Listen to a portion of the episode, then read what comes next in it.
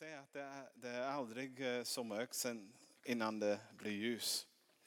Och en period som vi befinner oss i kyrkoåret i alla fall, det är mellan eh, Jesu uppståndelse och tills han återvänder till himmelen. På Kristi himmelsfärdsdag som vi firar. Och det är 40 dagar alltid efter, efter påsksöndag till Kristi himmelsfärdsdag.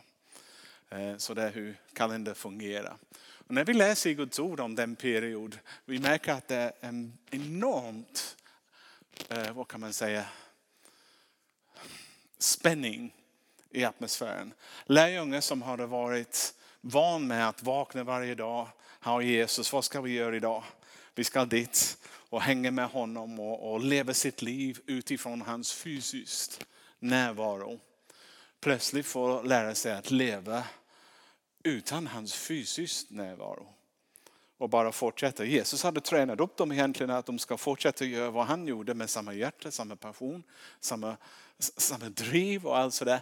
Men ändå märker man när man läser de här texterna, det är mycket frågor i luften. Och man läser där om en Maus vandrar, två stycken som har helt enkelt bara valt att nej, vi lämnar. Vi går en annan väg nu.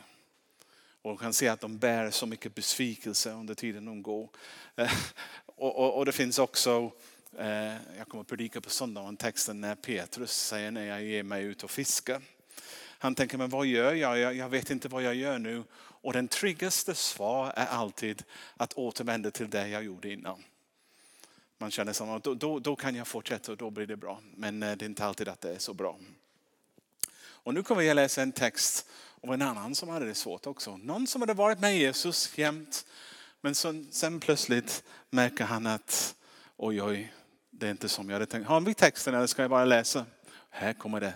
Titta. Johannes 20, 24-29.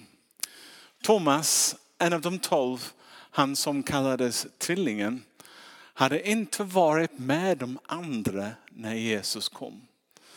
Och vi pratar om att Jesus hade redan besökt, han bara kom in i ett rum när dörrarna var reglat och plötsligt Jesus står mitt, i, mitt ibland dem. Och det var en härlig upplevelse för de lärjungarna. Jesus, han är den uppståndne Jesus, vi har mött honom. Men Thomas var inte där för någon anledning. De andra lärjungarna sa det nu till honom, vi har sett Herren. Men han svarade dem, ja, om jag inte får se spikhålen i hans händer och sticker mitt finger i spikhålen och min hand i hans sida så kan jag inte tro. Det låter som en riktigt svensk, eller hur? Jag vill ha vetenskapligt bevis innan jag tror. Men åtta dagar senare var hans lärjungar samlade igen där inne. Och nu var Thomas med dem. Då kom Jesus med dörren, medan dörrarna var låsta och stod mitt ibland dem och sade fara med er. Sedan sade han till Thomas, kom med ditt finger och se mina händer. Kom med din hand och stick den i min sida. Och tvivla inte, utan tro. Thomas svarade honom, min Herre och min Gud. Jesus sade till honom, du tror därför att du har sett mig. Saliga de som inte har sett mig men ändå tror. Herre, vi ber, gör det, ditt ord levande för oss. På det sättet som bara du kan. Och gör det så att vi, när vi lyssnar till det också, det är tillämpbart. Vi kan hänga med. Amen. Ja, efter den första besök, alla var med utan Thomas. Och alla fick en häftig uppmuntran att Jesus han faktiskt lever. Men det, det har vi Thomas på någon anledning och Bibeln säger inte varför han var inte där. Men man kan misstänka att han var som han hade, hans dröm hade krossats. Han hade förväntat att livet skulle gå på ett visst sätt och att Jesus skulle vara konung och alla skulle följa och en ny tid ska inledas. Och plötsligt hans herre, han såg hur han korsfästs. Han kanske var där när spjutet gick i hans sida. Och med blodet som rann ut också, även hans egen liv och passion rann ut och han tänkte, vad i hela världen gör jag nu? Eller vad kan jag tro på? Eller vad jag kan inte tro på. Eh, det så. Och sen kommer den otroligt uttryck som han sa, om jag inte får se spikhålen i hans händer och sticka handen i hans sida, tro, sida tror jag det inte. Och för den påstående har han fått mycket kritik. Han har fått eh, beteckning Thomas tvivlaren också efter det.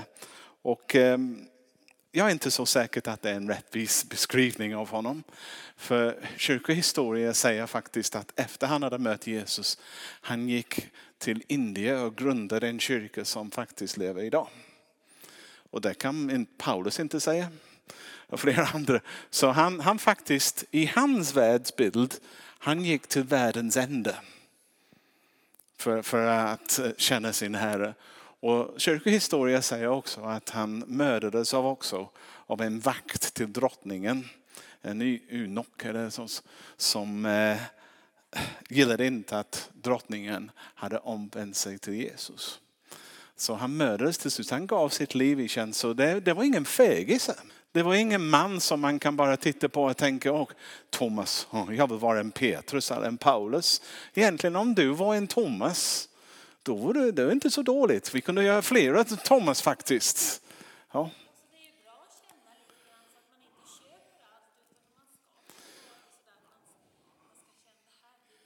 Ja, du har läst mina anteckningar. Det är vad jag kommer till. Jag minns en berättelse som John Wimber sa. En John Wimber han som grundade Vineyardrörelse och mycket också, även New Wine som jag tillhörde. Han sa så här, man kan dela människor upp i fyra olika grupper. Man kan kalla, han uttryckte det så här, så här om, säg om jag skulle säga till dig, Jesus finns på andra sidan av den väg. Han sa, de grupp som i en kyrka som kallas den radikala, de skulle slå hål i väggen för att möta Jesus. Det bara boom, strakt igenom och de skulle säga ja, han finns där. Sen han säger det finns en grupp som heter progressiva och de skulle tänka, mm, ja, de har rätt. De har sett att de första har sprungit och de skulle gå ut också. Och sen den tredje gruppen som kallades de konservativa. De, skulle tänka, mm, låt oss gå och kolla. De skulle gå och kolla. Ja, det är så. Och verkligen till sist, de skulle gå ut. Och sen han, han sa den sista gruppen, de traditionella, han sa, de skulle mura upp väggen så, så det såg ut som det gjorde innan. Och han säger, du kan inte bygga en församling med de radikala och du kan inte bygga med den traditionella heller. För att de radikala, någon skulle säga men Jesus finns där borta och de ska gå Plötsligt är de på den, den näst senaste grej som, som, som sker. Men de traditionella, du kan inte flytta på dem för de vill bara ha det som det var hela tiden. Men jag tror Thomas, om man skulle placera honom i den kategorin, han skulle vara lite närmare den som, som kallas för konservativ. Han, han behöver lite bevis. Han behöver vara säker innan han, han kliver in i någonting. Men när han är väldigt, eh, är, är, är han pålitlig och du kan bygga på honom också. Så när vi hör namnet Thomas, vi behöver inte vara så hårda och tänka Thomas tvivlen, aha, den, den fegise eller den, den man som inte trodde på Jesus. Han var ärlig, han vågade ställa sin fråga och jag, jag tycker lite grann som en norsk predikant som jag läst, Edvin Lövås, som sa att han som gick längst in i Jesus sår, sen gick längst ut i världen.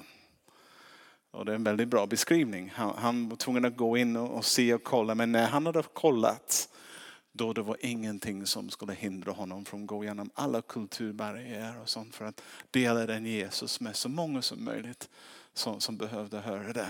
Så, så han är bra. Och i, i vår tid vi är lite för snabba att vad kan man säga, döma människor eller bedöma. Lägga här, han är bra eller hon är inte så bra. Den är Christian, han är, han är eller vi kan säga, han är inte det, han är jättebra. Men, eller, eller Harold, han är lite där. Och vi lätt sätter folk i en fack. Men så länge människor lever utvecklas de. Och eh, vi kan ha en bedömning av någon, men man, det är lite grann som någon skogsarbete. Så. Om du vill mäta den riktiga längden av en trä, då får du kapa ner det och lägga det. För när det är död och slutat att växa, då kan du veta precis vad längden är. Men du kan inte göra det när det lever. Och så är det med en människa. Vi kan inte göra vår bedömning till en människa har kommit till slutet av sitt dagar. Och vissa människor har, har faktiskt börjat sina dagar jättebra men de slutar inte så bra. Det är bättre att vara lite osäker i början och ställa sina frågor och, och ha dina funderingar och sen ta lite extra tid där och sen gå hela vägen. Än att bara ja, ja, ja, springa, göra massa saker och sen inte komma i mål. Och det är min önskan och min dröm att denna församling ska vara en plats var vi kan ställa våra frågor. Vi får göra våra funderingar. Och det får vara tillräckligt högt i tak att alla frågor eh, kan, kan ställas. För det är viktigt. Det är superviktigt. Eh, jag minns eh, även i mitt livstid, många av dem när jag var ungdom och det var flera av dem som var brinnande ungdomar som vill vara ledare hela tiden. Och jag minns för oh, ganska många år sedan, jag har varit i Sverige nu 30 år, det är otroligt. Men ungefär 10 år efter jag varit i Sverige har jag åkt tillbaka till England och sökt upp några av dem. Och fick reda på att två av dem ledare satt i fängelse. Och det var en av dem som jag minns när jag var ungdomsledare försökte få, han var den trögaste människa som fanns och han var pastors son. Och om vi skulle åka ut och spela bowling eller någonting sådär. Han var alltid som hade bowlingskor på när man kom hem. Och man fick köra hela vägen tillbaka med skor eller någonting. Han var jättetrög och långsam.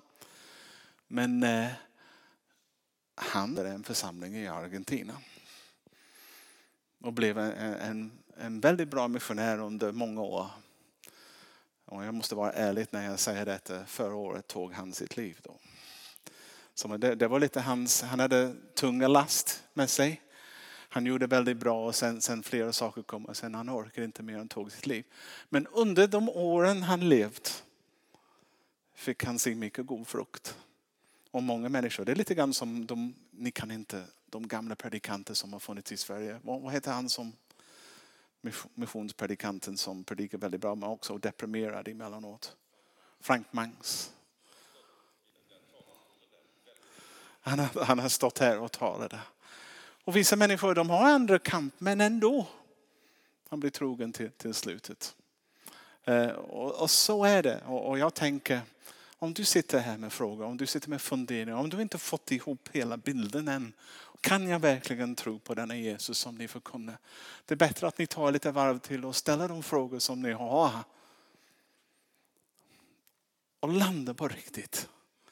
Eh, och jag hoppas att vi kan ge dig den utrymme ni behöver för att kunna göra det. Men eh, ja, ibland folk behöver mer tid på sig.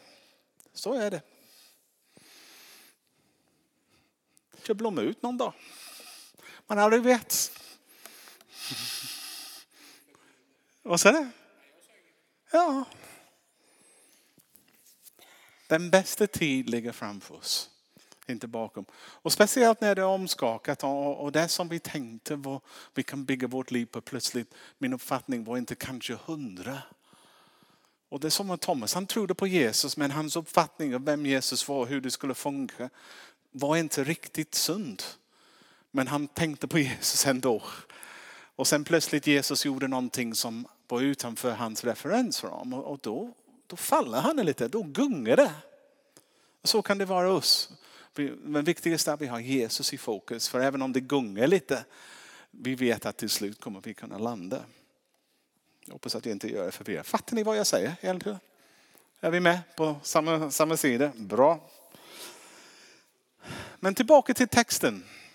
Eh, för mig det ligger en poäng i att Thomas var inte med när det fanns en besökelsetid i församlingen den första gången. Och det ligger en poäng att när vi väljer att hålla oss borta, vi, vi, vi ställer oss själva ibland utanför det som Gud vill göra. Och, jag har sagt det tusen gånger till människor. Folk gör i en församling när de börjar inte må bra eller börjar bli jobbigt, är de stannar hemma. Och om du får den känslan, det är bara att ta dig själv genom krage och ta dig dit. För det är just då du behöver vara där mest. Eh, jag minns när jag var pastor i, i i Vargen. Vi hade en period där under kanske fem år, en otroligt stark Guds närvaro. Och varenda vecka händer det något. Någon blir jättehelad. Jag menar någon lam typ som ska gå. Eller plötsligt hade vi en dopförrättning och 30 stycken blir döpta på en gång eller någonting sådär. Och jag visste inte om det innan. Så vi hade gudstjänster som, som kunde vara väldigt spännande. Och sen det var, jag minns vi hade en dopgudstjänst med jättemånga som döpte. Och någon sa till mig efteråt, nästa gång du har en dopgudstjänst du får säga till mig. Jag vill inte missa dem. Jag säger, men jag visste inte heller, men jag var där. Var var du? Och det var lite, vi byggde lite kultur där så folk vill inte missa för de, de vill inte vara någon annanstans för annars de missar någonting som var väldigt viktigt. Jag ska säga det ligger en poäng att Thomas ställde till för sig själv. Egentligen, han, han skulle vara lite hårdare med sig själv. Det spelar ingen roll hur du mår Thomas, hur du tänker. Just under en period ska du, du ska vara där. Du tillhör den gemenskap. Bara. Eh, jag säger, låt inte tvivel hålla dig borta från församlingen. Ta din tvivel med dig till församlingen. Och ge det lite luft också. Och dela det, det, med någon. Och låt dem be med dig och, och ta det. Det står i Hebreerbrevet 10 och 25. Och låt oss inte försumma våra sammankomster som några brukar göra. Utan uppmuntra varandra. Och detta så mycket mer som ni ser dagen när Jesus kommer tillbaka. Det, dagen när han kommer tillbaka närmar sig Hebreerbrevet 10. Den troendes gemenskap är den bästa platsen att vara. Vi behöver det mer än vi anar. Om jag känner inte för att gå till kyrkan idag eller hamna med andra kristna, det är just då jag ska vara där. Jag tvingar mig själv. Och jag gillar, och lite tips också, även som pastor man kan tröttna på. Det är inte som att bara för man är pastor man känner man vaknar varje söndag och går halleluja. Nu ska jag till kyrkan. Ibland är det, är Inte så många dagar, men de kommer. Och då gäller det att det är som en liten skämt som någon, någon, någon sa till, eh, en man sa till sin fru, jag vill inte till kyrkan idag. Och frun säger, men du, varför? Jag, jag känner inte för det, ingen älskar mig. Men du måste, varför måste du? Varför måste jag? Hon sa, men för det är du som är pastor.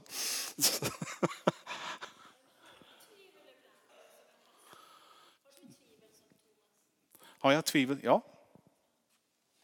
De kommer perioder med frågetecken. Jag tror inte jag, jag tvivlar så mycket om, fråga hon sätter tvivlar jag ibland. Jag tvivlar inte på Jesus om han existerar. Eller att hans tankar är god, men jag kan tvivla på, har jag tolkat honom rätt? Eller har jag förstått sammanhanget? Är jag verkligen där jag ska vara? Eller är det någonting sådär? Eller har jag missat något? Eh, viktigt, lite så. Men jag kan tvivla. Och ibland om det är riktigt grej, jag tänker, har jag verkligen, är jag illa ut? Har jag bara kommit på tanken? Det händer Sällan, men, men ibland. Eh, jag tänkte också, det finns en annan sak när vi tänker på Thomas. Han hade i sin bagage med, precis som Petrus, han, han hade sprungit ifrån Jesus när han behövde honom som mest. När Jesus arresterades eh, i, i Getsemane. Thomas var där, men han stannade inte med Jesus. Han, han lämnade Jesus när Jesus blev arresterad. Och precis som de andra, han, han, han svek. Och, och, och det säkert var med honom också. Han, han kanske, det är inte bara att han tvivlade över Jesus, han kanske tvivlade över sin egen förmåga. Är det rätt att vara bland Guds folk? Kanske inte, men jag kan inte för en lärjunge, en av Jesus apostlar, om jag har svikit honom. Så det kan också vara att han, han, han var ganska hård mot sig, mot sig själv. Som gör att han han inte hängde med. Den, den korv här bara hälsar hela tiden. Jag försöker tala och den korv du gav mig där. Och du försökte ge mig en tredje, tack. gode Gud, jag inte tog en tredje. Jag tog om en.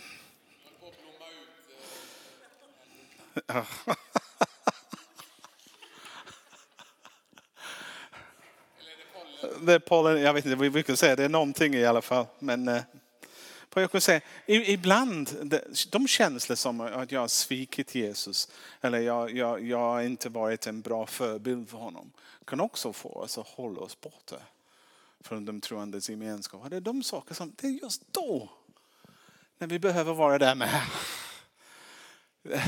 Jag kan bara säga till dig att Jesus hellre att du känner dig besviken och hänger med än, än du håller dig borta. För han ibland dömer oss mycket mindre än vad vi dömer oss själva i sådana lägen.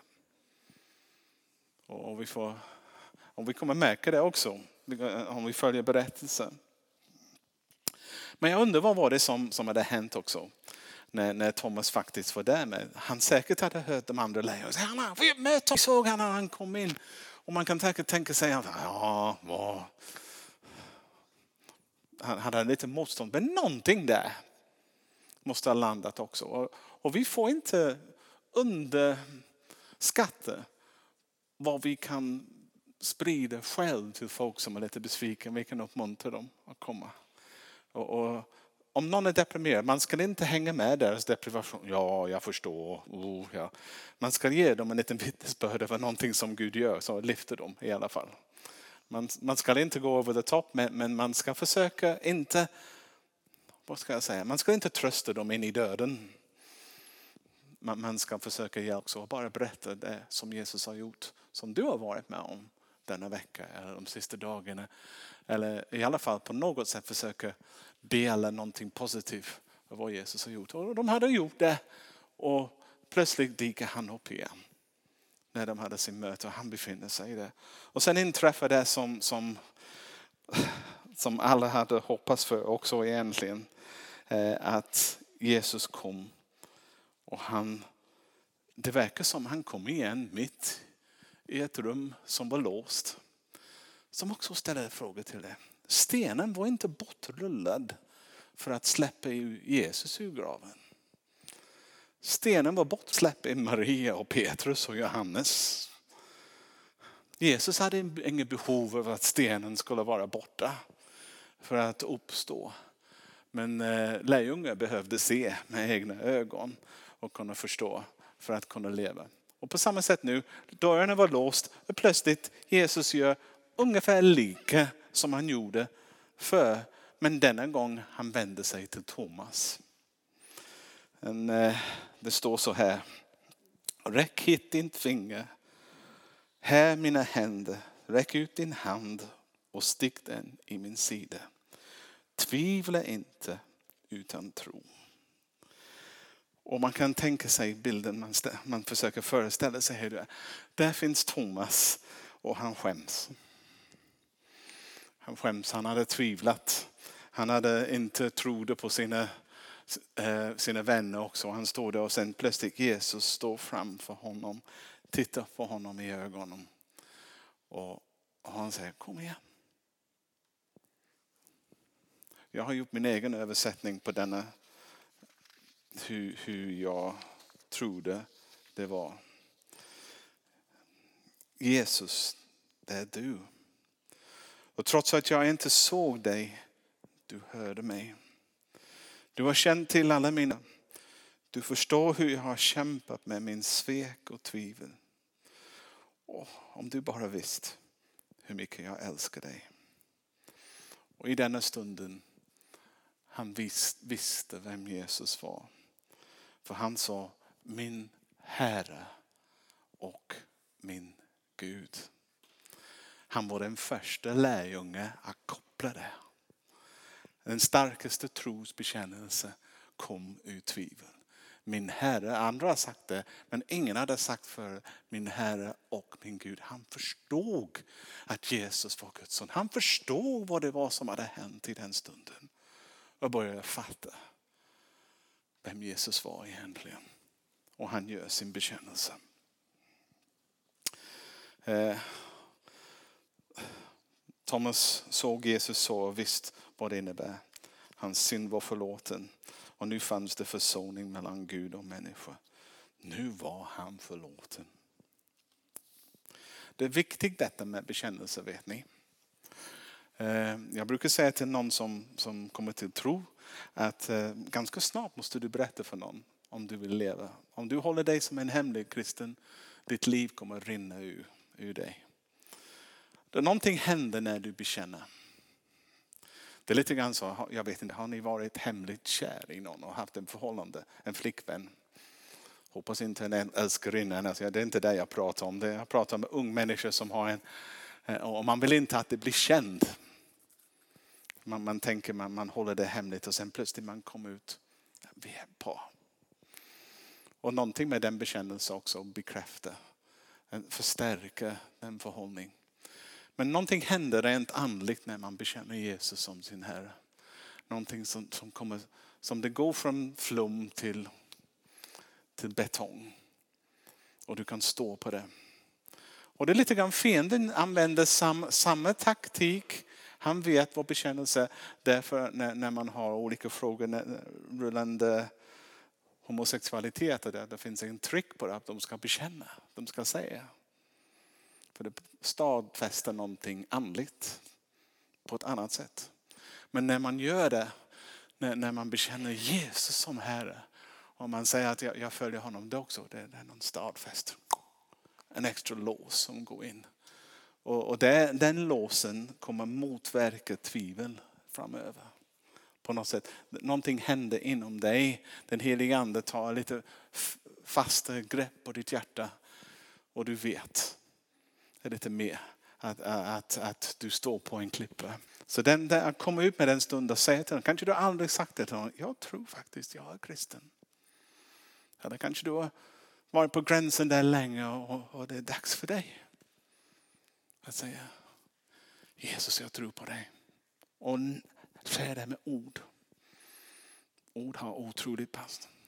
Och det finns en bibel till om du med din mun bekänner att Jesus är Herre och ditt hjärta tror att Gud har uppväckt honom från den döde skall du bli räddad.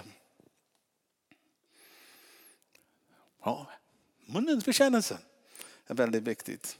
Hjärtats tro leder till rättfärdiga, munnens bekännelse till räddning. Så det går. Det finns en samband mellan vår förmåga att bekänna och vår förmåga att tro. Det mer man bekänner, det mer man tror. Din tro växer. De hör ihop. Du kan inte aldrig förvänta sig att ha en jättestor tro när du aldrig bekänner. De två hör ihop. Eh. Till sist. Jag tror att den helige ande visste att vi behövde höra om Thomas. Och jag älskar Bibelns sätt att berätta Eh, sina berättelser om människor på riktigt. Det är inte måla dem som helgon som aldrig gör något fel eller, eller super aces, hero, superhjältar som går runt allt rätt. Bibeln är fylld av berättelser av bräckliga människor som gör fel, som kämpar med olika tankegångar och olika saker och ändå se hur Gud lyfter upp dem, återupprättar dem och sätter dem på en ny väg som blir eh, välsignad. Och det är samma Jesus och samma helige ande vill göra det i ditt och mitt liv också. Och egentligen, det, det spelar ingen roll vad ligger efter. Den viktigaste när vi sitter och säger, vad är det som ligger framför?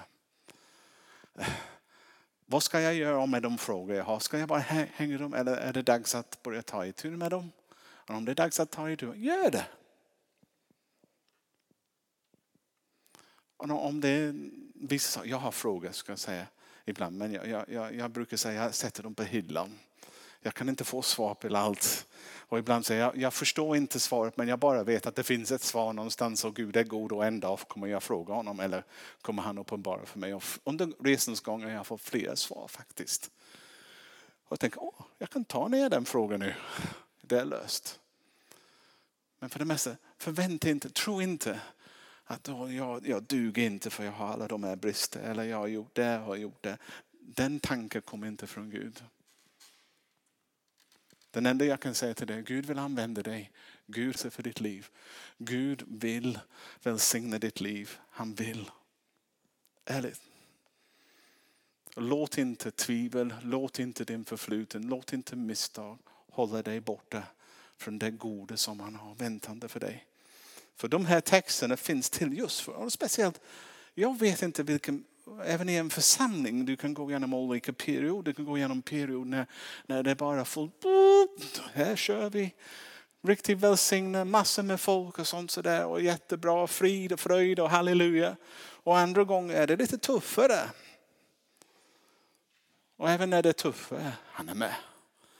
Och det är lätt att bara hoppa av när det blir lite tuffare istället för att bara, nej. Jesus. Jag följer honom. Och du kommer märka under ditt livs tid, det, det går lite så här.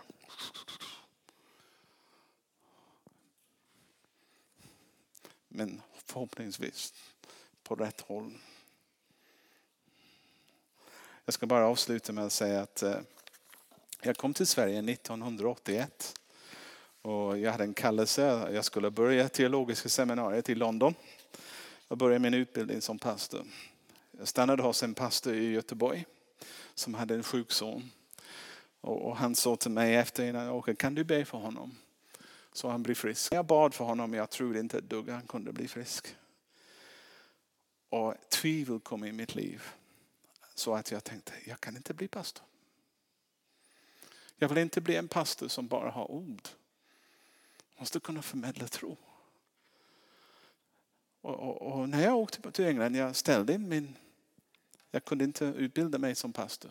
Och jag började en period av att söka Gud. Jag sa Gud, om jag ska ge mitt liv i din tjänst, jag måste veta på riktigt att du finns. Och en natt fick jag mitt livs upplevelse. När, när, när plötsligt Gud dyker upp i mitt rum och jag, jag får, jag, kan beskriva den eh, erfarenheten en annan gång. Men om jag hade inte tagit den frågan på allvar och börjat söka för tvivel, det är inte säkert att jag skulle ha fått mitt svar. Och nu, så nu, nu, nu, jag använder inte ordet tro mer. Tror du på Gud? Tror du på Jesus? För mig tro är inte tillräckligt starkt ord. För det, men det är lite, folk säger att tror att det är solen, solen imorgon. Eller det finns, men för mig, jag vet att Gud finns. Jag vet att Jesus finns. Jag vet att det finns en andlig verklighet. Och jag vet att det finns en himmel som väntar för oss. Och jag vet mycket mer än vad vi kan bara se, höra, känna och smaka. Och det finns en Gud som älskar oss. Men jag kunde ha gått hem. Nej, jag fick inte be för pojken. Jag inte tro, det duger inte. Jag kunde bara säga, nej, jag går och jobbar med något annat. Men jag låter en tvivel faktiskt sätta ett spår. Jag måste få svar från Gud. Och utsatte mig och fastade faktiskt och gick lite allvarligt. Jag tänkte, Gud jag måste veta att du finns. Och han möt mig. Mm. Ja, jag pratar för mycket som alltid. Förlåt, jag brukar säga till de andra två, de får sluta prata. Men eh, nu är jag färdig tror jag. Sök honom, djupet av honom. Gå så långt in i hans sår som du kan så att du i din tur kan gå ut så långt ut i världen. Jag tänkte, jag har en fråga egentligen. Det är bara en fråga som har skrivit upp det, den sista frågan. Jesus är här, glöm det förflutna. Den viktigaste är att vi avslutar bra. Och sen min fråga är, vad är det som hindrar dig att med hela ditt hjärta satsa på Herren?